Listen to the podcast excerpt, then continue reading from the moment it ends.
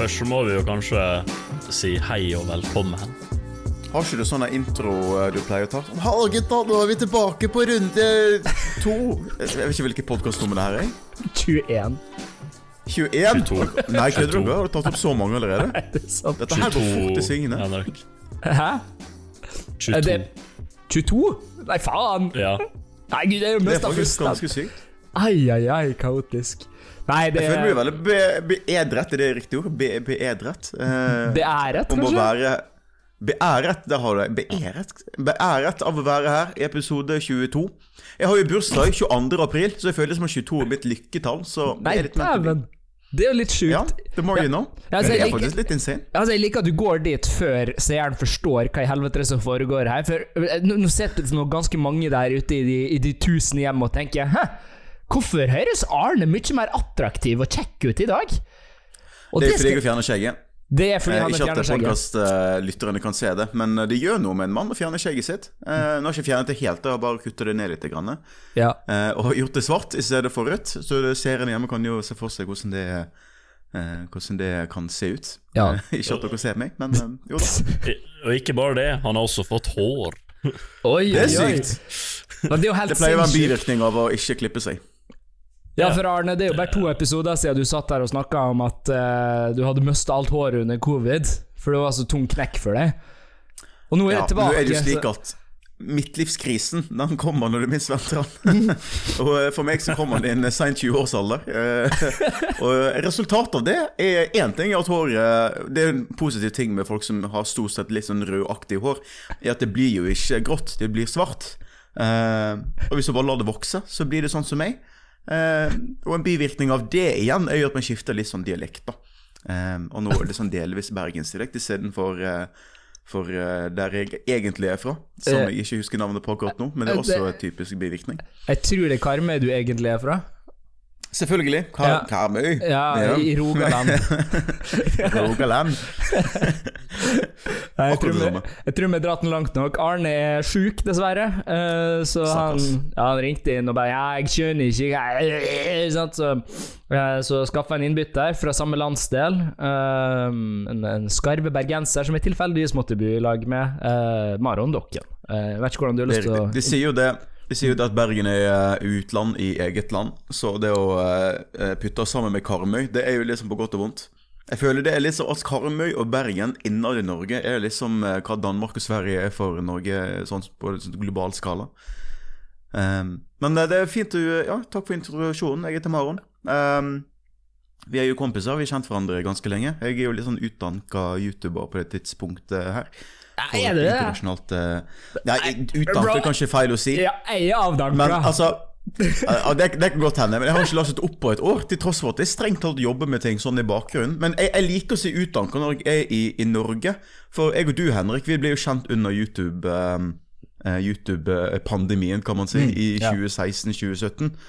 Uh, og det jeg merket, var jo at jeg Jeg lager jo engelsk content, uh, hovedsakelig for et videospill som heter Runescape. Um, dokumentarinnhold der, da.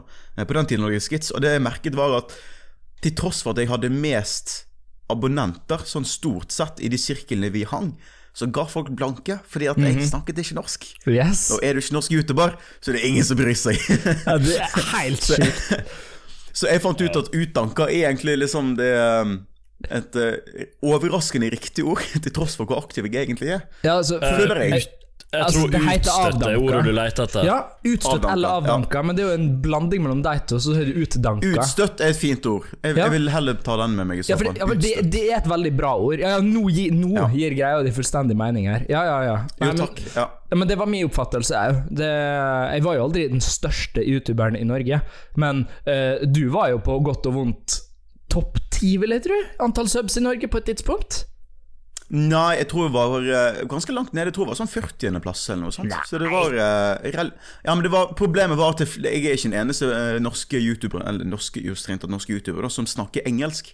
Ja. Det er flere av de. Ja, Og jeg husker Pelle K, han var jo størst på det tidspunktet. ja. Han snakket jo engelsk, han også. Men der også var det jo en grense. For hvis du snakket engelsk, så var du ikke kul før du traff sånn en million subs. Og var du over det, så var det som the, the name of the party. For jeg husker han når Pelle true. Var på sånn YouTube-fest med oss en eller annen gang i tida. Og alle svermet jo rundt han. Han var Ja, ja. dritkul fordi han var så populær. Men um, under, under en mil, så eh, Ja, kan komme, liksom. Men det er ikke så big deal. Nei, men Jeg tenkte ofte på det der når jeg var solpå, for det er jo både du og øh, For, for du hadde vel Du du jobba deg vel opp mot 100 000 på den tida der? Du hadde i hvert fall 60 000-70 000 i 2016? Nei. Når jeg møtte eh, jeg, jeg, nei, det tror jeg ikke. Jeg tror jeg hadde mellom 30 og 40 når vi ble kjent. Ok, ja, ikke sant.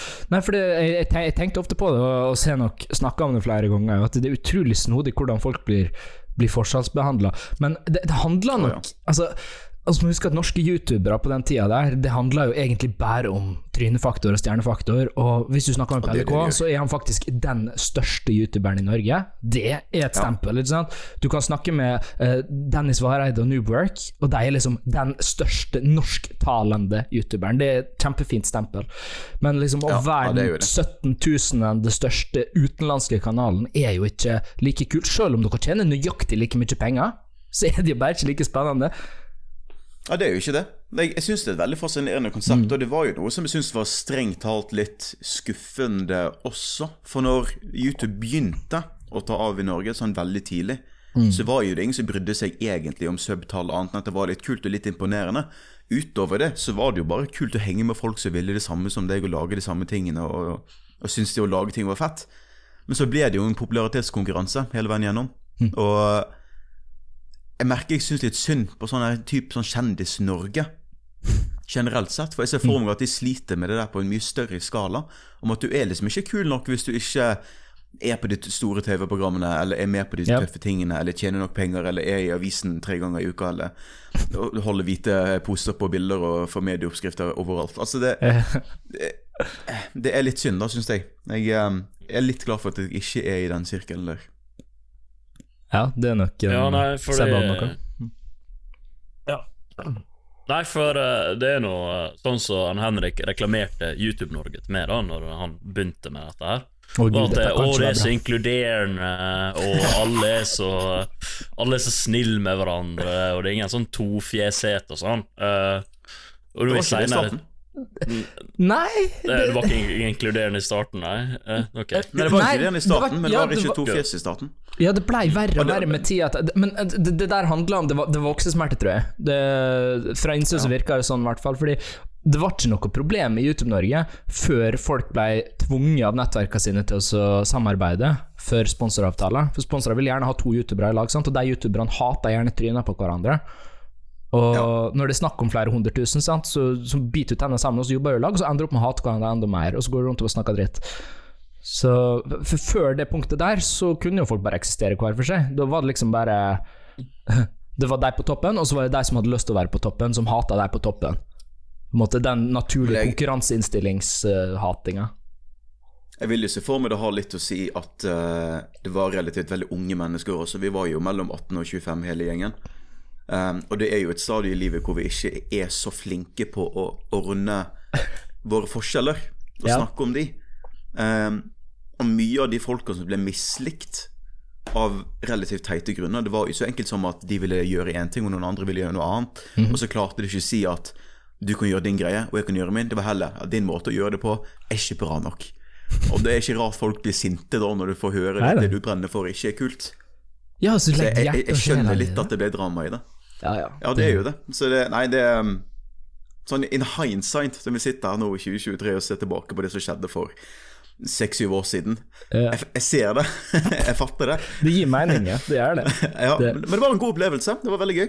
Ja. Og eh, det kom jo mye godt ut av det. Vi ble jo kjent, og nå bor vi sammen. Ja, gud. Ja, det Godt ut av det vet jeg nå ikke, men noe kom ut av det i hvert fall. Det, det kan vi Jeg, konstatere. jeg syns det er en veldig fin ting. Jeg, jeg syns Vi er bestevenner og koser oss. Og spiser taco innimellom. Og, Du må, ikke si, du må ikke si sånt når Seb hører på, da blir han sint. ja, det blir kjempefint. Jeg er i Ålesund helt alene, ikke dere venner. Jeg faktisk er så bestevenn til Henrik. Nå roer du deg kraftig ned, mister. Ja, det, unnskyld, Seb. Vi kan, vi kan dele. Uh, nei, du kan ta over, du. Uh, Nei. merker at det er okay. Ja. Nei, hva faen, da? Altså, bestevennen min, ikke du, Henrik. Er litt Wow. Ja, okay, Hvorfor, hvorfor ender det der opp med at jeg blir ditcha? Det Nei, Stakkars. eh, altså, jeg ble bare venn med deg fordi du var YouTuber, liksom. Og Ja. når du ikke er det lenger, så uh, kjenner jeg at det, du kan bare være en bekjent, Ja, liksom. no, Noen som som er utdanka, mener du? Ja, utdanka. Nei, ja, avdanka. Utdanka? Jeg likte Det er ikke utdanka. uhørt at folk som introduserer bestevennen sin til podkast, blir, eh, blir uvenner. Jeg så en podkast, eh, dokumentar ganske nylig, Mm. om eh, den der impulsive eh, dokumentaren til Jake Paul. Eh, hvor de snakket om han ene tredjemann da, som hadde vært med i en, en lengre stund, som nå var skikkelig uvenner med, med eh, Jake Paul. Og jeg husker ikke navnet på den andre fyren som driver hos jeg, Ja. Ja. jeg husker dette her, fordi jeg har sett samme Oi. dokumentar. Ja. Jeg regner med det fra eh, Åh, jeg husker ikke hva han heter. Vi Sunny noe V2. Ja, ja, ja. ja. Stemmer. Eh, det er jo han George. Uh, Ja, han var jo veldig, okay, veldig uh, med, mye med i videoene til Logan Paul. Eh, og Logan Paul, det- ikke Jake Paul. Ja, Mm. ikke Jake Paul. Uh, og så ble det veldig naturlig at det, han skulle bli med da på Impulsive som tredjekarakteren i uh, podkasten. men uh, fans har merka, og de andre Ja. merka at det han George ikke bidro noe særlig til podkasten. Og så ble det bare surere og surere forhold. Stakkars fyr. Ja, Det altså, var ganske dårlig stemning mellom de også, for jeg Mm. Ifølge den dokumentaren så reagerte det på at han ikke kunne ta en spøk, men de klippene de viste, var jo ikke akkurat spøker, det var jo mer peke ut svakheten og le av det. Ja. Ja, jeg vil ikke si mobbing heller, for det var jo bare en podkast tid. Men um, plaging var det, og det var liksom ikke så gøye vitser. Og jeg merker sjøl at hadde jeg fått sånne kommentarer, så hadde jeg ikke sett på det som vitser mer enn passiv aggressivitet. Jeg må skyte inn at jeg jeg- forresten sett den dokumentaren her, så oh ja, så du Så har jeg er faktisk med. Dæven. YouTube-videoen vår er sikkert ganske lik. Men um. Ja, jeg, eh, jeg, jeg syns det er et veldig interessant tema akkurat det der, og det å ikke Nei, nå husker jeg ikke hvordan du kom oss inn på det der. Vi snakket om Eh, Seb. Seb, bestevenner Ja, Seb som eh, kunne Ja, det var det. At Henrik kunne bli min venn i stedet. Ja. Sånn fungerer det. Sånn fungerer det. Seb gi meg deg, Henrik, og du er George. Så En, um, en må kastes ut.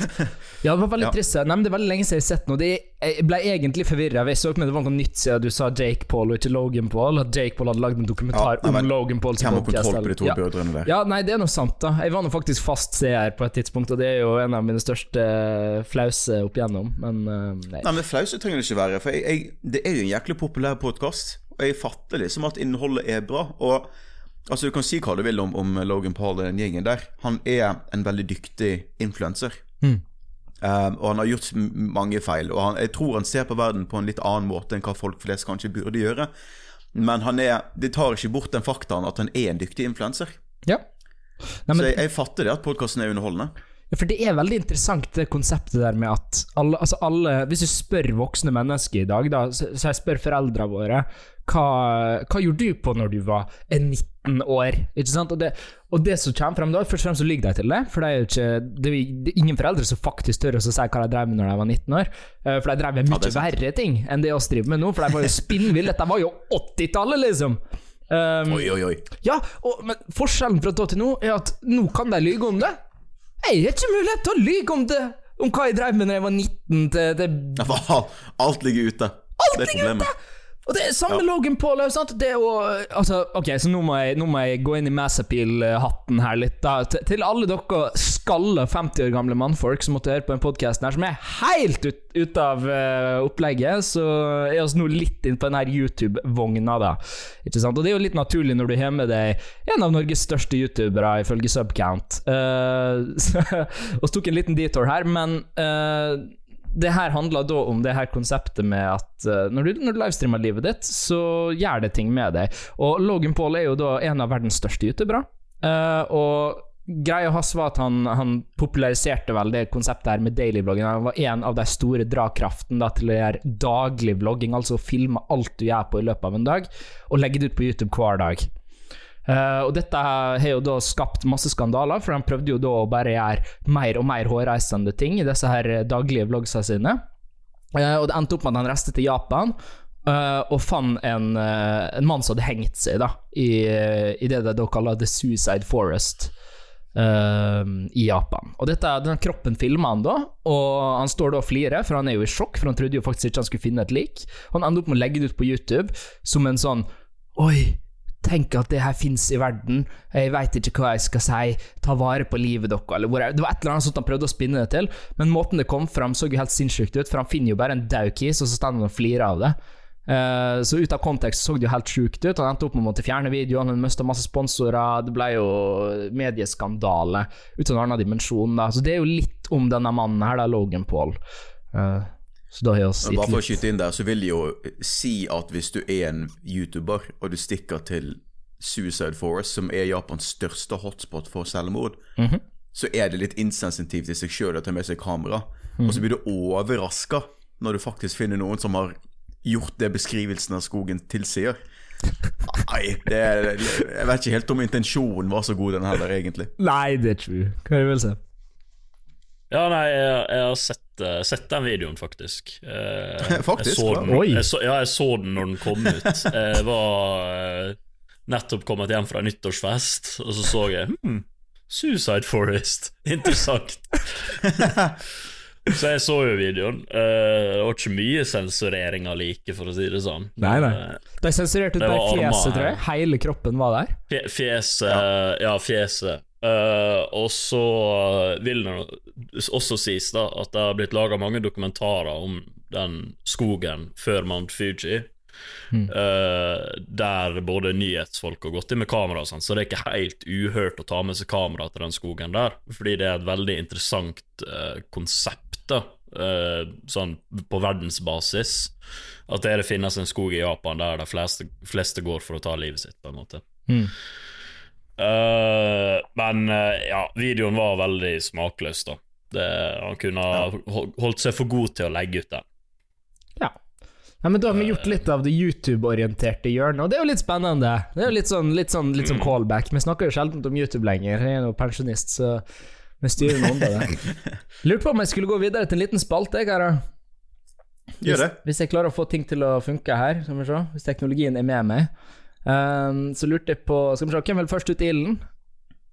Seb uh, nevnte det at han har lyst til å gå ut. Seb vil ut? Ja, han sa det, ja. Ja, men da så. Da setter vi i gang med Sebs uh, hjørne. Seb, Seb, Seb sitt hjørne. Seb, Seb, Seb sitt hjørne. Seb, Seb, Seb, Seb. Han er i hjørnet.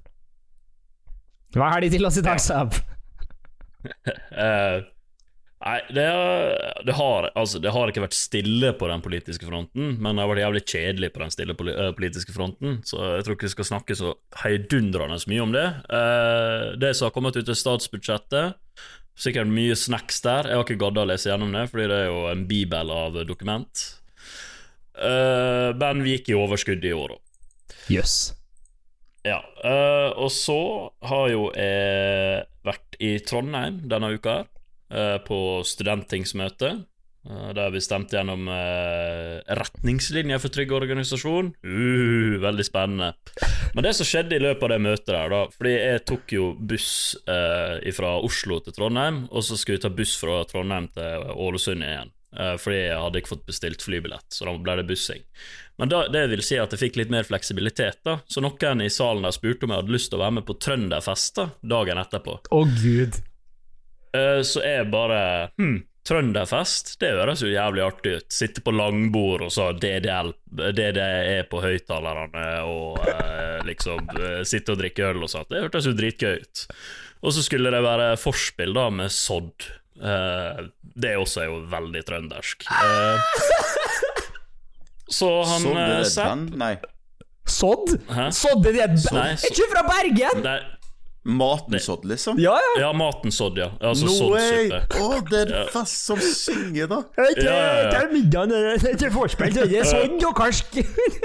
Ja, ja, og alle skulle kles ut som, uh, kles ut som uh, trøndere, liksom. Så det er liksom buksesele, rutaskjorte, bart og oh, yes. stygg caps og ikke sant. Mokkasine og alt mulig. Ja. Så det er bare Ja, dette høres right up my alley. Eh, så jeg setter jo meg ned på en sånn der eh, kjøp og salg Facebook-gruppe, fordi billettene var jo så klart utsolgt. Og så fikk jeg knabba til meg en billett da for 350 kroner. Det var jo sjukt billig, tenkte jeg. Eh, men, men det er jo bare en fest med langbord, liksom. Tenkte nå jeg, da. Så dagen etterpå så drar jeg jo på forspillet, da, i tretida på, på ettermiddagen. Starta veldig tidlig, syns jeg. Og så sitter vi der, og så drikker vi øl og sånn. Og så eh, sier jeg liksom til ene kameraten ved siden av at eh, ja, det blir jo kjempekjekt, liksom. Er Trønderfest, sitter på langbord og rølper, liksom. Så jeg bare Du er klar over at det er en konsert, ikke sant? What? Så jeg bare Å? eh, Ja, ok. Ja, hvem er det som skal spille, da? Nei, det er et ukjent band, og så er det Dag Ingebretsen, og så DDE som er headliner. Nei, liksom. herregud! Så jeg har dratt på DDE-konsert, og Dag Ingebretsen, for så vidt. Eh, og eh, ja, det var jo veldig gøy, da, men jeg mista jo alle kompisene mine i folkemengda, da, så Men eh, Ja, men så, klart, så klart mista du deg, de så ut som trøndere. Ja, jeg får jo bare trøndere der. Jeg fant jo til og med masse damer med bart og alt, så det var høres ut som Trondheim. Ja, det var et sjukt konsept, Altså. Det var jævlig mye folk der. Jeg tror det var sånn 2000 eller noe sånt. Det er helt sinnssykt. Eh, Så derav eh, har jo jeg sendt dere et bilde der, da, så dere kan jo se hvordan stemninga mi var i løpet av den konserten. Hvor du har sendt oss Det det synes jeg er et veldig hyggelig i- bilde. På Discord? Sendte den i Discord. oh. Ja. Med masse, er det kompiser? Jeg ser du har tatt bilde foran en Å, eh, gigantisk folkemengde. Og så er det noen som står og vinker til deg. Er det kompisene dine, det, eller? Eh, nei, jeg kjenner ikke deg i det hele tatt. Nei da, det var Jo, jo, jo. Det var Det var de jeg var på forspill med. Det hadde vært gøyere hvis jeg ikke kjente deg, men det var Nei, ok, da vet ikke Altså bare for å painte et lite bilde, da. Alle sammen står sånn der eh, Noe som ligner en norsk versjon av Lederhosen. Litt sånn lumberjack-aktige kostymer. Han helt til venstre ser ut som Jeffrey Dahmer, han er seriemorderen i USA. Eh, resten av de ser, altså Det er halvparten av sånn felleskjøp-caps på. Og så står Seb foran og ser ut som han er er en versjon av eh, redd og gira samtidig. Ørne ting jeg må Eh, poengtere her, er at eh, det er jævla imponerende å ta bilde av ja, det som ser ut som 17 000 mennesker, og ikke ett av dem er i fokus. Ja. Faktisk eh, ingen av dem er i fokus. Kjempeimponerende. jeg, husker, jeg husker når bildet ble tatt, uh, og eh, for, for å si det sånn, da. Når bildet ble tatt, så hadde jo tenkt, tenkte jo jeg at jeg skal jo med i bildet, liksom. Så det ansiktsuttrykket dere ser der, er jo bare jeg som liksom løper litt sånn halvstressa for å komme inn i bildet, eh, og så kommer jeg inn i bildet likevel. det er jo bare det som er greia. Men jeg, jeg skal jo si, da hadde du fjernet liksom deg, Seb, og noen hadde vist meg det bildet her og sagt at ja, det her er en konsert på 90-tallet, så hadde jeg vært helt solgt på det. For alle her, kanskje 80-tallet til og med. Ja, jo, ja. For Alle ser jo ut som de er fra den tida, med de brillene og outfitsene og Altså, det, er- ja, I don't know. Det er et eller annet veldig gammeldags med det her. Ja, men Trondheim Eh, henger ja. igjen i den tida der. Ja, litt Og sånn. hele byen er i 80-tallet. Ja, ja, ja. Du kommer dit og Det- bilen bare slutter å gå, for det er ikke ingen har råd til biler der oppe. True. Men det, det skal jo sies da at de, de brillene de to har på seg, uh, det er briller de bruker til vanlig. Så Ja. Så Jeffrey Dahmer Ja, har det er Jeffrey Dahmer-briller til vanlig. Det ja, nei, hmm. Ja, altså Grunnen til at han ser ut som Jeffrey Dahmer, tror jeg er pga. kotelettene hans. da uh, Han eh, var, dritfla, han var dritflau over dem. Han turte ikke å gå ut alene, liksom, Fordi da trodde folk han var seriøs med de kotelettene sine. Herregud. Kotelettene skjønte jeg ikke. Nei, så, Han hadde sånn uh, Ja. uh, Hva kaller det? Skinnskjeggkoteletter. Ja, tynnskjegg. Oh, ja, oh, ja. Ja. Sideburns, liksom. Nei, men det er ikke Ja. sideburns, for sideburns er jo hår framfor øra. Uh, mens uh, kinnskjeggkotelettene hans, det er jo som å ha Det, det er som et Anders Behring-skjegg der du fjerner haka. Mm. oh, ja, oh, ja, ikke sant, ja. Å ja, Ja. skjønner. Kult. Nå er vi jo i Ja, det skjønner jeg hadde vært litt uh, spesielt. Og så er det så klart i ekstremt farlig territorium her. Uh, for nå, nå driver vi en podkast og prøver å forklare, forklare hvordan et bilde ser ut. Uh, og jeg håper seeren vividly ser for seg nøyaktig hvordan det bildet her ser ut. Masse folk, ingenting er i fokus. Seb ser ekstremt skremt ut, og det er masse folk som ser ut som Jeffrey Dahmer som står rundt han. Uh, ja. Det er akkurat sånn det ser ut som. Vi- Hvis dere vil finne det sjøl, så kan dere gå inn på adressa.no og så finne Trønderfest-bilder fra oktober 2023, og så bare bla til det nederste bildet. Så Vet finner dere dere I'll det do ganske you one better. Dere kan gå inn på TikToken min, Henvik Lol. Der ligger det garantert ut en TikTok av uh, det bildet her. Uh, for, for, altså, dette er smart! Nå er jeg smart! Dette var gjennomtenkt, gutta! Nå færes alle fra podden inn på TikTok. Dette var smart! Ja, okay. Wow! Uh, og by the way, det går òg an å sende meg sebre på TikTok, tror jeg. Uh, jeg er ikke noen TikTok-ekspert, fordi jeg er eldgammel, uh, men jeg tror det skal gå an å enten sende meg en melding på TikTok, eller, eller bare kommentere på en av TikToksa, eller den nyeste TikToken, whatever, med spørsmål til podden. Det, det er en måte å få kontakt med oss på, hvis dere har brenner inne med noe. Da. For jeg har ennå ikke funnet passordet på Instagrammen min. Dessverre. Så det blir jo en seerbrevbonanza den dagen jeg måtte komme inn på TikTok. Nei, Instagram. Nei, så det jeg har litt ut av det her, da, er jo Ja. at jeg er ekstremt skuffa. Fordi jeg starta jo konsertopplevelsen min i oktober liksom med Kaisers Orkestra, og det er noe Altså, si hva du vil om det, men det er jo enormt bra sceneshow og sånt. Og så avslutta jeg det med fuckings DDE. Altså, come on. Blir det bedre? Nei, det, det, det blir jo verre. Høres ut som Altså, en god uke. Nei, uff. Eh, ikke noe DDE-fan sjøl, da. Eh, men eh, det var noe kjekt, da, i det minste. Og så fikk jeg nå hørt 'Forelska i læreren' sånn tre ganger av en Dag Ingebretsen, så Det, det er godt show. Ja, da må Det er en Ja, måte på at jeg ikke forventer å høre live heller, så det, det skal du få. Det Nei, er, å ja, det er nå for så vidt sant, da. Det, Det er riktignok en låt du forventer å høre 14 ganger mens du er i Trondheim. Men live? Ja, det, det kan være. Men ikke live. Nei.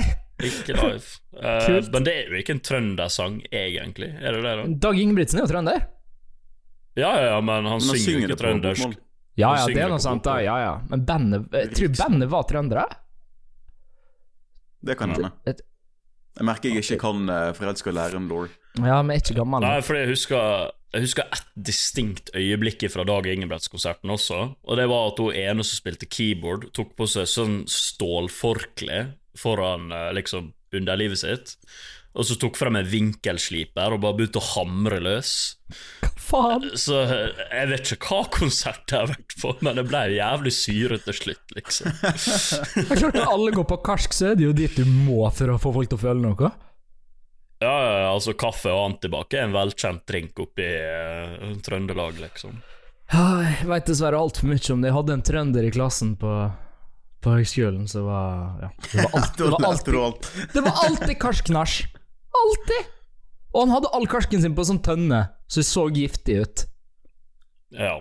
Og det smakte giftig. Stjålet altså. fra St. Olavs hospital og Antagelig. Rumpesprett. ja, Veldig antagelig. kulturelt. Mm, Det er ja, veldig ja. kulturelt, ja. Men det, det er jo artig å se, da, sånn kulturell sprang oppover i Norge, på en måte. At det blir bare mer og mer sjukt i hodet jo lenger nord du kommer. ja, det Der var meg. Der var vi. Ja, Ja. nei, men det var min uh, Det, det var en sterk hjørne, da. Det var et veldig Det var en sterkt sterk hjørne. spalte. Ja, det var det Jeg satte trønderske veldig hjørnet i stor dag. pris på den. Men der lærte jeg mye. Altså, jeg lærte annet at eh, forelska læreren-duden fortsatt har livekonserter rundt i Norge. Det er litt sykt. Nei, men han er jo den, han, han er en aktiv musikant. Han driver jo Han er jo dette bandet, dette kjendisbandet, vet du. Uh, nei, nei, nei, herregud, han var på MGP sammen med Staysman. Og var han det? Ja! ja, Nei, ja, det, jeg- var det han? Ja, det er han gamlingen som gjør alle disse rare bevegelsene. Han som oppførte seg litt for mye som en heavy er Dag metal-rocker. Er ikke Ja. det eh, ah, Nei, er det? Er ikke Ja, det er han. Ja, nå husker jeg ikke navnet på han jeg trodde det var, men ok, kult. Nei, det er han på ekte. Det, Det er sykt da, at han fortsatt lever. Ja, ja. Jeg driver og løper rundt. Det var eneste grunnen til at jeg vet han er aktiv, var fordi jeg så ham der, liksom. Så, Så sjukt. Jeg, jeg, jeg, jeg kom på en ting til. Jeg husker, å, husker spesifikt at noen som sa at det, Dag Ingebretsen var egentlig ikke invitert på Trønderfesten, men han spurte om å få lov å komme, fordi han bor rett oppi hugget. Han har vært så misunnelig på at han ikke har blitt bedt om å bli med, så han spurte om å få være med, da. Han- Eh, dere kan er gjerne arrestere meg på ja, ja, men altså eh, Dere kan gjerne arrestere meg hvis det er feil, men jeg syns å høre at det var sånn at han bedde om å få lov å komme på Trønderfesten, da, fordi han syns det var så kult konsept. Det er veldig gøy. Og det er trist da, når du er egentlig en ganske etablert stor kjendis i, yeah. i landet her. Du bor rett ved siden av en festival, og de har den så ofte at, de, at du er nødt til å spørre om å få lov å være med, i stedet for å invitere deg. Den er vond, altså. Shit. Det. Ja, ja, ja. Den der utdanka-greia di ble jo faktisk et gjennomgående tema, det. Det kjenner jeg. Det. ble det? Se her, både med det. Hva har jeg og Dag Ingebrigtsen til felles? Nå skal du høre. Dag Ingebrigtsen, det er bare å ringe. Oss, er- oss tar det imot med åpne armer. Å ja da. Ja. Takk skal du ha. Men du er ikke invitert. Du må Nei, spørre det okay. om med. Ja, det, jeg skal huske det. oh, um, men ja, wow. Nå har vi en eh, god flyt her, så jeg lurer på om Skal vi bare gå videre til neste spalte, da? Det, nå har vi brukt mye tid på, på YouTube og alt mulig forskjellig mm, kuriositeter og merkeligheter, så jeg lurer på om eh, vi setter videre til eh, folkets velkjente spalte Arnes kuriositeter. Eller eh, også, også kjent under, under kjærnavnet Det var nå litt interessant da. Visste du at uh, Det er jo litt gøy, da. Det er jo faktisk litt interessant. da. Ja, kom igjen, da. Det er jo Nå slutter jeg å le, det er seriøst. Men du, det er jo faktisk litt interessant, da. Ja, og Arne, hva er du med til oss i dag? For en sinnssykt vakker intro. Jeg kjenner jo Arne ganske godt, så jeg hører jo disse her eh, kommentarene hans komme. Det, det, er så, det er så han. Han Ja, men- sier jo ingenting annet. Nei, og det, det, jeg, sa, jeg sa jo det når vi introduserte den jinglen der, at eh, målet mitt her var jo å kondense alle samtaler jeg noen gang har hatt med Arne, til én intro. Føler du jeg har truffet? Der har du det. Du traff så sykt bra. Jo, takk. Har jo jeg fått den store æren å- eh, å presentere Arnes kuriositeter i dag. Um, og det er jo et veldig vanskelig spørsmål. Å skulle liksom finne én ting som jeg har lyst til å presentere, som liksom skjedd en gang i tida. Uh, og, men jeg fant noe som jeg alltid har syntes var veldig interessant. Uh, som jeg liksom ikke har noen å prate med, med om. Uh, for det er så spesifikt og så unødvendig. Totalt nytteløst, men veldig interessant. Og det er Spurious Correlations, heter det. Vet dere hva det er? Ikke litt engang. Spurious correlations Spurious er et ord som betyr eh, fake, eller at falsk, eller ikke helt, at det stemmer ikke helt overens med, med fakta. Eh, og correlations er jo sammenligninger, da. Eh, så det, Det er sammenhenger. dette her er Det er sammenhenger. eh, Eller eh, sammenhenger. Ja, det kan hende. Det er en liten forskjell. Um, ja. Ja, fair enough. Anyway. Dette her er jo da ting som eh, hovedsakelig er basert på amerikanske eh, statistikk. Eh, og ting som er ganske likt, eh, men er totalt urelatert. Å, det er Eh, gøy! bare, for å komme med et, bare komme med et eksempel her, da, på lista. Um, nå er jo dette her litt dark på enkelte nivåer, så jeg får beklage det. Men US spending on science, space and technology, altså penger som USA bruker på, på romteknologi, antall penger er akkurat det samme i oppgang som suicides by hanging, strangulation and suffocation i USA.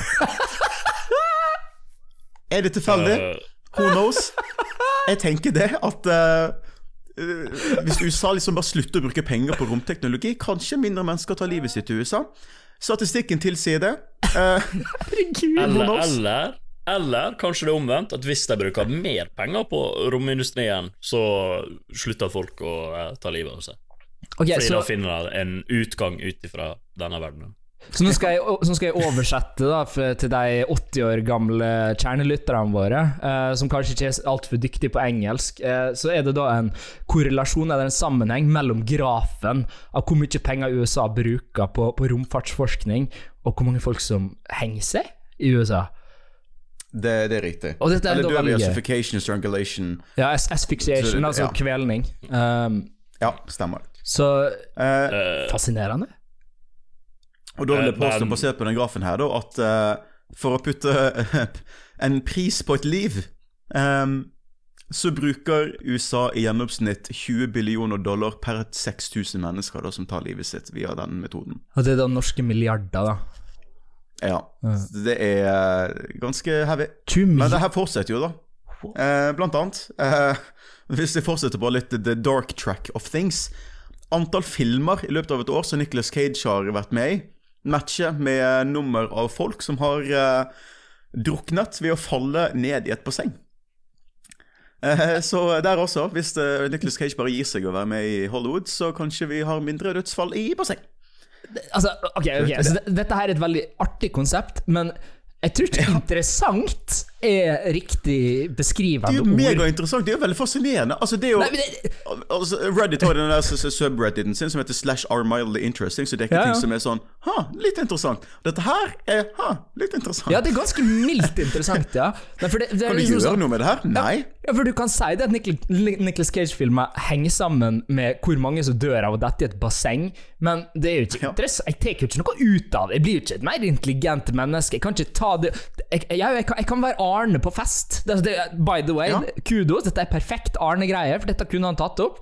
Dette er sånn han sier når han er dritings. Ja, visste du at antall som detter i basseng, det henger sammen med Altså Så Men det Ja, men er altså, jeg, jeg føler altså det det er jo et veldig sterkt argument hvis det kommer plutselig en diskusjon en gang om at Nicolas Cage har vært med i for mange filmer.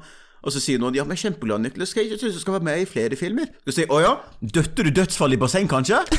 Altså, det er jo kanonargument. Og så sier de her, hva okay. snakker du om? Så viser du statistikken. Og hva skal de si da? Det er jo match én til én. Det er jo eh, Du kan ikke komme rundt det. Det er jo sånn konspirasjonsteorier starter. Altså, herregud, dette her er jo eh, akkurat sånn det starta. Uh, det, Nå er det jo verdt å nevne at, eh, at eh, til tross for dette her i amerikansk statistikk, så er ikke Norge helt uh, utelatt av eh, statistikken. For jeg har nemlig én her som er relatert til oss. Um, og det er jo at uh, Amerika importerer jo olje fra, fra Norge. Uh, og antall barrels, så, altså fater som de importerer fra Norge, matcher med antall uh, bilsjåfører som blir drept av um, tog. Eh, Så jeg treffer bilen deres, da. Så eh, Og det er jo eh, da ca. 80 dødsfall per 100 million fat. Eh, så til det år, vi tjener strengt talt på dødsfallet i USA, da. Ifølge denne statistikken her. Så Ja, Jo mer de importerer, jo mer folk dør av, av tog. Og der sier oss ikke krigsprofitører.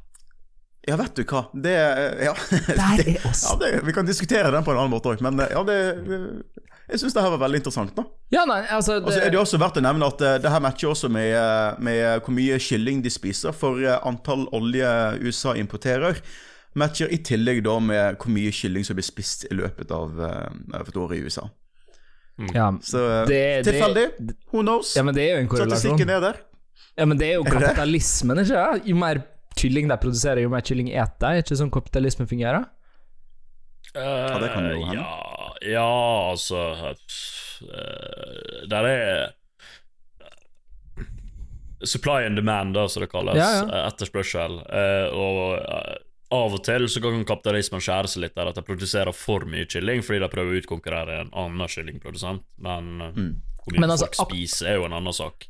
Ja, men ak akkurat den der Altså, det her hele konseptet du holder på med nå, eh, Maron, det er noe Det er jo det gamle ordtaket eh, 'correlation is not causation', ikke sant? Så korrelasjon, det at to ting tilsynelatende henger sammen og påvirker hverandre Eller nei, det at de tilsynelatende har det samme utfallet, trenger ikke å bety at de henger sammen. Det A trenger ikke å lede til B. Uh, og Det er jo derfor det konseptet er kjempegøy, for oss kan jo late, det er jo det du gjør nå, du later som at to grafer som ikke har noe med hverandre å gjøre, har noe med hverandre å gjøre. Og Dette er jo det konspira Ja. konspirasjonsteoretikere gjør. Men akkurat det konseptet der med lage mer kylling gjør at folk eter mer kylling, det, det høres jo faktisk ut som det er kausert. Uh, Nei, nei, jeg, tror jeg misforsto i så ja. fall. Altså import av olje. Sånn oh. som vi hadde Altså, jeg nevnte i sted import fra olje fra Norge, men hvis du går på global skala, import av olje i USA matcher med hvor mange folk som spiser kylling i USA i løpet av et år. Nei, du sa import av olje henger sammen med hvor mange som detter foran tog. Husker du? Nei, Ja, det var, det var for Norge, ja. Og så var det en til oh. i tillegg til det, Ja. etter det, med import av olje, også matcher med hvor mange folk som spiser kylling. Ok, men da, jeg, da Ja. fikk jeg et lite slag da mens du sa det. Men da fikk jeg i hvert fall mansplaina konseptet til de 80 år gamle kjernelytterne våre. Men det er jo ikke alle her som er helt uh, urelevante også, da. Det er jo blant annet uh, totalt uh, revenue generated by arcades, sånne pinballmaskiner og, og den type ting. -huh. uh, matcher med hvor mange folk i USA som hvert år får en computer science doktorgrad. Um, og det er jo for så vidt litt grann eh, relatert for uh, arkader og sånt. Det er jo Ja. strengt talt teknologi, og hvis folk får doktor og teknologi relaterte ting, så matcher de to tingene der litt uh, i, i sammen, da. Jeg tror det er mange som tar doktorgrad for å bli bedre på arkademaskiner. Eh, Nei. Ja, ifølge USA så er det ca. 1500 personer. Ja, du har iskald statistikk som beviser det, så jeg skal ikke Det, det, jeg, har, har statistikken rett foran meg, så dette her er Kan ikke tvile på det. Nei, nei, nei, jeg kjøper det. Fakta er fakta. Jeg er Det er til og med lagt i kilden og hele pakka her, så det er bare å eh, grave. Ja, men når, når, vi, når vi er inne på temaet, så 9-11 was an inside job. Jet Wow. fuel can't melt steel Men jeg beams. Jeg syns Ja. det er 9-11-greiene jeg synes det har blitt interessant også, for der også har vi jo lært veldig mye om hva som egentlig skjedde, og ting som egentlig ikke gir mening, og den type ting. Det eneste som jeg ikke fatter med, med World Trade Center, er det der Building Number 7. eh, For de som ikke veit hva det er, så var det jo det to tårnene som falt uh, i Manhattan mm. på, eh, på 11. september 2001. Men det var jo ikke de eneste byggene som falt den dagen. For en bygning som var noenlunde ved siden av, ikke sånn vegg i vegg, men noenlunde sånn type across the street-opplegg eh, i USA, som er Building Number 7, den falt også. Men hvordan skjedde det? Det var jo ingen som var uh, Ingen fly som traff den bygningen. Ja, det Og det syns jeg er interessant. Der, Og den der falt jo er- på samme måte også. Den falt jo også rett ned, slik som de der to tårna gjorde. Og de to tårna kan jo forklares med, med science og sånt. Det gir jo mening i forhold til hvordan eh, flyene traff og hvordan bygningen er konstruert. Men bygning syv gir ingen mening at den skal falle rett ned i tillegg. Det kan hende det finnes en forklaring på det, men det er bare at Ja, det, må, eh, det du- finnes jo selvfølgelig en forklaring. ja, garantert. garantert. Men eh, jeg bare syns det er veldig interessant. da. Ja, ja, altså, jeg har jo tatt en liten deep dive i det der, jeg òg. Ja. Og jeg vet ikke, ass. Eh, det føles ut som at det er, det er liksom en sånn der eh, varm potet som du ikke har lyst til å ta på. Eh, og, Ja, det er nok en veldig kontroversielt tema, men jeg syns det er veldig Ja. interessant likevel. Og mange av de mest interessante tingene når det kommer til spesielt konspirasjonsteorier, det handler jo bare om, om at du ikke har informasjon til å forstå spørsmålet.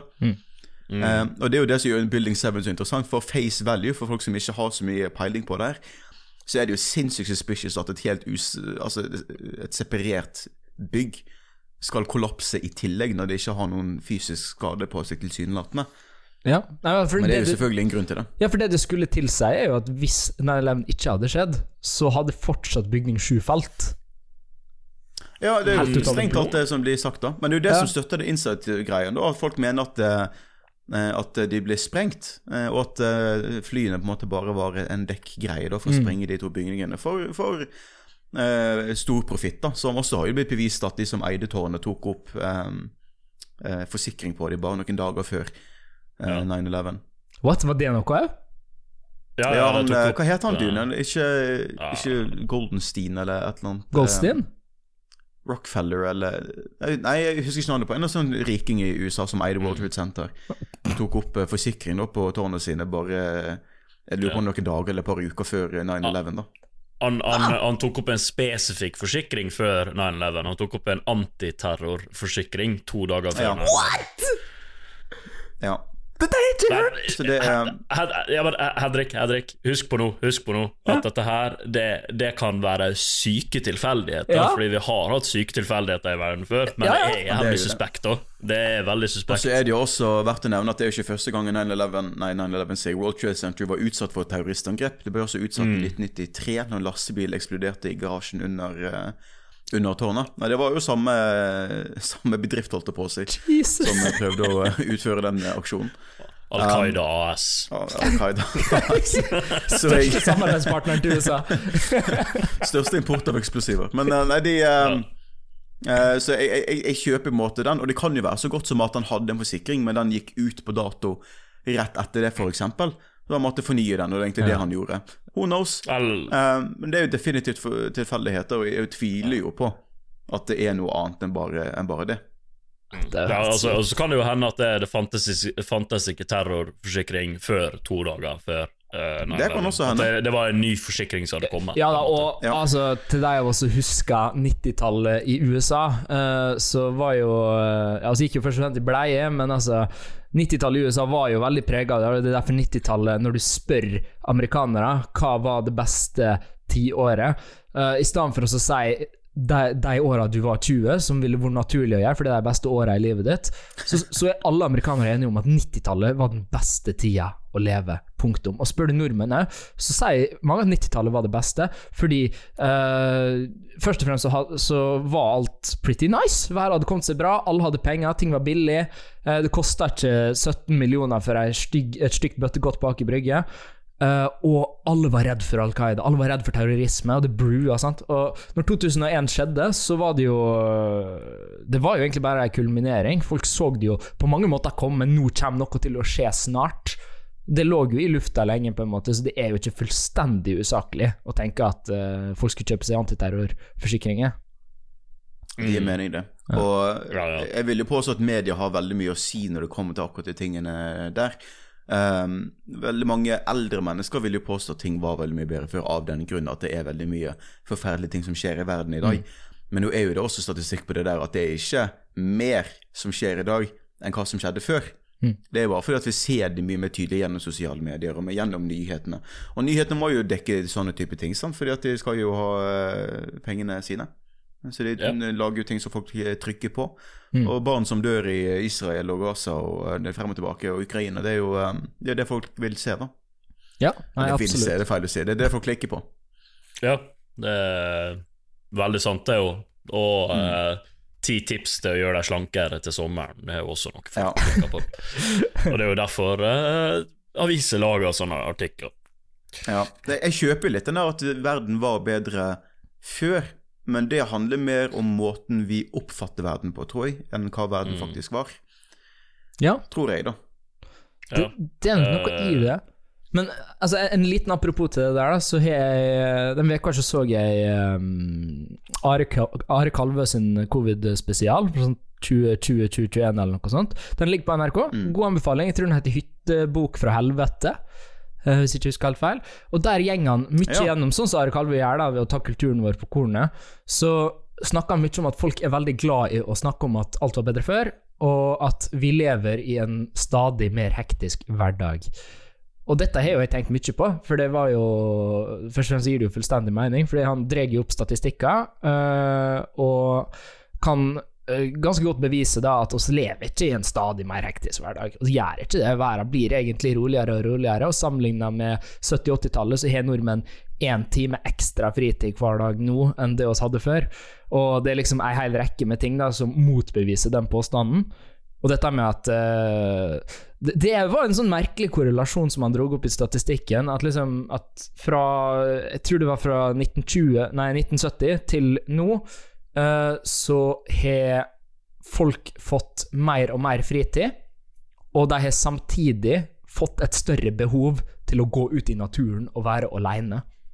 Og det gir ikke veldig mye mening, for folk, når du spør folk som driver og går i naturen hele tida, hvorfor gjør du det, så sier de nei, men vi lever i en mer og mer hektisk hverdag, og det er så mye styr overalt, mye bråk og ting som beveger seg rundt meg hele tida, så da har jeg et behov for å komme meg ut i naturen der det er stilt og rolig. Men det stemmer jo ikke. Uh, dataen sier jo egentlig det motsatte. At når det blir roligere, så vil vi ha enda mer ro. Så det er jo mer et eksempel på mye vil ha mer enn noe annet, som han da drar opp, da. Jeg syns det var fascinerende. Mm. Ja, Det jeg, jeg ser jo litt den der også, men altså det, trender på hvordan vi oppfører oss, er jo veldig de, altså Jeg syns det er vanskelig å pinpointe det. Jeg ville på en måte ikke sagt at, at vi har det stressende. Gi folk en idé om at de skal gå out of their way for å komme seg ut i naturen. For ro kommer vi på mange forskjellige måter. Mm. Jeg vil jo heller Der også tror jeg egentlig jeg heller vil skylde på, eh, på nyhetene. altså At eh, vi går ut i naturen mer, fordi at det er så mange bilder av naturen, og, og ser hvor fin verden er, og du må slanke deg, og det ene og det andre. Ja, for Kanskje. det er noe med det. Det, det er mest sannsynlig bare dødsangst som får oss til å gå ut og være sporty. Jeg, jeg tror det. Så det er også Jeg husker ikke hvem som nevnte det, men det er jo også viktig å huske på at det eh, eh, Fra alderen 0 til 20, liksom, så oppleves det som at det gikk veldig sakte. Og det er jo fordi at det, vi har levd en liten del av livet vårt, på en måte, så det oppleves saktere, fordi vi har ikke opplevd noe annet. Og når vi blir eldre, så føles det ut som at det går fortere og fortere. Men da er det fordi at vi har opplevd mer av livet, så vi opplever det fortere, på en måte. Og det er jo sånn Ja. det kan virke som at det er hektisk, da, at vi bare opplever tida kjappere fordi vi har opplevd andre tider, på en måte, hvis du skjønner hva jeg mener. Ja. Og at det er tid jeg ikke strekker til. Ja, jeg, jeg tror det var Det er vel noe fors... Uh, nei, sorry. Ta, oh, okay. Nei, jeg skulle bare skyte inn at jeg, jeg tror det var jeg som tok opp det konseptet til. At når du, altså, når du har levd fra du er Mm. ni år til du er ti, så er det året 10% av livet ditt. Mens når du går fra å være 30 Mm. til 31, så er det bare en 30-del av livet ditt. Så, så klart føles det året fra du er 9 til 10 mye lengre enn når du er 30, når du tenker Mm. tilbake på det. Det- Ja, for jeg tror minner har veldig mye med det der å, å gjøre. For altså, jo da, 10% av livet ditt er 100 det, det er jo lenge det, men 10% er fortsatt 10% Et år er fortsatt et år. Ja. Mm. Uh, og jeg mistenker jo at som barn så har du mye lettere for å glemme hva du har gjort for tre dager siden, f.eks. Mm. Uh, og når jeg, jeg føler det at når du husker minner veldig sånn choppa opp, så føles det mye lenger mellom de enn hva det kanskje egentlig er. Uh, Ja. Og det er jo noe vi ikke sliter så mye med i voksen alder, for nå husker vi på en måte alt vi har gjort. Vi vet hva vi gjorde siste uke. Og neste Ja. uke kommer så raskt fordi vi har så mye ting vi skal gjøre hele tiden. Kids de har jo ikke den her eh, bekymringen. Der og, veldig og mange unge voksne også, eller, tidlig, eller sent tenåring, sliter jo også med det at de, de kommer hjem fra skolen, setter seg ned og gjør ingenting. De kan gå ut og henge, de kan sitte og se på TV, whatever. Mm. Voksne, som vi eh, har jo blitt med åra. Eh, Vi har jo veldig mye vi skal gjøre eh, i løpet av en dag. Vi har jo eh, husoppgaver vi skal gjøre. Vi må vaske klær, vi må spise, vi må jobbe, vi må tenke på økonomi, og vi må lese ting, og vi må henge sammen. Og, altså, det blir veldig mye vi skal gjøre, og jeg tror at tiden går saktere når man kjeder seg av en grunn. Mm. Og Mm. å kjede seg betyr ikke nødvendigvis kjede seg, det kan også bety å ikke gjøre noe spesielt. Og derfor tror jeg tiden føles mye treigere når man er ung, fordi man rett og slett ikke har ansvar. Det, det kan godt være, altså. Det, men et kjempeeksempel på det der, når vi først er inne på det, er jo uh, covid. Det er jo alle, alle snakker Ja. om covid som at det ikke skjedde, for det er jo ingen som husker covid. Og jeg hadde en kjempefin covid, det, det må jeg si. Det, årene mine i covid var Altså, jeg var På det verste der så brukte jeg et halvt år av covid der jeg ikke så noen andre enn eh, budet fra Oda. Um, Ja. Og jeg var jo fullstendig isolert, og jeg jobba remotely. Og, men jeg hadde ikke noe motstand. Sant? Jeg hadde god lønn, jeg hadde, jeg hadde jobb gjennom hele covid. Det var ikke noe særlig stressmoment. Det var liksom bare kjedelig. Hver dag var veldig lik hverandre. Og når hver dag er lik, så er det veldig vanskelig å huske covid som noe annet. Det, det føles ut som tre dager, når jeg tenker tilbake på det. Ja. Ja, Og så nei, er det jo også Jeg husker covid som ekstremt eh, kjedelig. Og, men eh, altså Ja, det var ille, da. Jeg syns covid var ganske ræva. Vi fikk ikke gjort noe, på en måte. Ja, men, kan vi snakke om det to sekunder? Det med samvittighet overfor at man hadde en OK covid. For jeg, altså, jeg også hadde ja, men altså, jeg også hadde en ganske chill covid, og jeg skal jo si det at hadde vi bare liksom fjerne elementet med at covid eksisterte, så hadde ikke covid-perioden vært noe annerledes for meg enn hva den er i dag. Jeg gjorde akkurat det samme som jeg gjør i dag da, bare med maske på, da når jeg gikk ut offentlig, f.eks. Ja. Kompisgjengene vi, eh, Kompisgjengen vår vi satt jo og spilte spill, og vi var jo en kohort da, som var lovlig kohort, men vi hadde jo en kohort og vi satt og spilte spill hele tida. Så vi var liksom oss når vi bodde liksom eh, Jeg, jeg ble utaksimert fra, um, fra høyskolen det året, der, så jeg eh, måtte jo flytte til Oslo fra Lillehammer i løpet av covid-året. Så når covid først kom, så satt vi bare og spilte spill hele tida, og så kom sommeren, og flyttet til Oslo, og jeg, og jeg var i arbeid hele tida, jeg også, så jeg så liksom aldri til den der eh, isolasjonen. Um, og jeg, jeg veit at jeg var veldig heldig. Mm. Uh, at jeg, jeg hadde liksom alle de tingene til rette for meg, at jeg skulle på en måte klare meg veldig fint og ha uh, inntekt og et sosialt liv som, som fikk meg gjennom en ellers veldig tung periode som covid var. Og da får jeg en uendelig dårlig samvittighet når folk kommer og sier at shit, altså, covid det var, det var tungt, og jeg var isolert og alene, og jeg, jeg ble skikkelig deprimert, og ting var forferdelig. Og så kommer jeg Jeg er sikkert så kjempekoselig, liksom. Altså, det, jeg føler liksom at jeg I don't know. Jeg, Ja. eh, Burde jeg ha skamfølelse for det? Nei, nei, nei. Åh, jeg, Jeg skjønner veldig godt hva du snakker om her, altså. Dette Ja. Altså, for jeg husker jo Jeg, jeg jobba jo i, i, i Ruter under covid, altså Oslo kommune, pretty much. Så vi hadde jo kjempegodt HR-opplegg, og masse folk som var kjempepå på å følge opp folk. Og øh, det var jo så masse folk som ble psykisk ødelagt, liksom, det, under, under covid. Det var, det var så mye eh, det var mye mentalsammenbrudd, og folk tåler jo ikke å være hjemme med familiene sine, tydeligvis. Det er jo det jeg tok ut av, uh, av covid. Uh, så jeg fikk jo telefoner hele tida, altså i hvert fall under det halvåret jeg var fullstendig isolert. De var jo fullt klar over det. Og for deg er jo det en flight risk, liksom. At han, Henrik han er, hvor, han, han har ikke sett folk på et halvår nå, det vet oss. Oss må gi han oppfølging, ellers så kommer han til å knekke sammen mentalt. Og hver gang de ringte, så var jeg litt sånn Jeg følte nesten jeg måtte spille opp at jeg hadde det verre enn jeg hadde det, for det var liksom forventa. Det, var forventa av meg at jeg hadde det jævlig når jeg var alene. For jeg er jo bare en sånn raring, jeg, da, som ikke tar skade av å være isolert, sånn som resten av samfunnet. Hva er det? Jeg syns det er litt merkelig, altså. Jeg syns det var altså- kjempetrivelig altså, at alle var tilgjengelige på internett. jeg. Ja, nei, eh, altså Grunnen til at jeg ikke likte covid, var jo fordi at jeg liker å være rundt folk, liksom. Og oppleve nye ting, altså dra på utested og sånne ting. Og når det liksom ikke var en option lenger, da blir det jo veldig sånn Når hobbyen din er å liksom dra på byen. Det hørtes også veldig Ja. Ja, da, da blir du for en hobby, tenker jeg. Ja, for jeg tror det er egentlig et veldig godt poeng. Altså. For så vi, eh, vi er jo gamere, og vi sitter jo mye på nettet, og vi har kompisene våre på nettet. Og den situasjonen er ikke Det er ikke majoritet som har det. Nei. uh, ting, altså, en ting er jo faktisk det med bare kompiser generelt sett. Um, og dette er jo noe vi, eh, vi har snakket tidligere om uh, utenfor podkaststudio, men dette her med å ha venner i uh, 20-åra er overraskende vanskelig. Um, ikke nødvendigvis fordi man er så lite lett å like, men fordi folk flytter litt rundt, og de gjør forskjellige ting og tar forskjellige veier enn hva barndomskameratene gjør. Um, og så er det jo det at når du først kommer til La oss si du flytter til Oslo, da, og bodd i eh, Troms hele livet ditt, så er det ikke så mange du kjenner i det området her. Og da er det ikke bare å gå ut og skaffe seg venner heller. Uh, og hvis det er liksom deg, i tillegg til at du ikke liksom syns det er så kult å være på internett, så er det eneste hobbyen du har, er enten ja, gå og bowle, da, for eksempel, og det liksom stenges ned av covid, hva gjør du da? Så jeg fatter at det der er tungt for mennesker, altså. Ja, ja, ja. Men igjen, da føler jeg meg som en drittsekk når jeg kommer og sier at Yes. synes covid var kjempefint. det kunne gjerne skjedd igjen, liksom. Og derfor alle begynte med surdeigsbrød. Ja, ikke sant? Homeschooling. Uff. Gud. Ja, det var et år. Det var et år. Det var et år, jeg tror det var to, faktisk. Ja, det var to, det var, det var to år. Det var to år. Det verste var jo at det, når nyttårsaften var fra 2019 til 2020, så sa jeg liksom ah, nå blir det et bra tiår. Kjenner det på meg. Ja. Ja, nei, det ble jævlig. Ja, Ja, det husker jeg også. For vi snakket Ja. om uh, at det er jo At historien gjentar seg. Uh, Ja.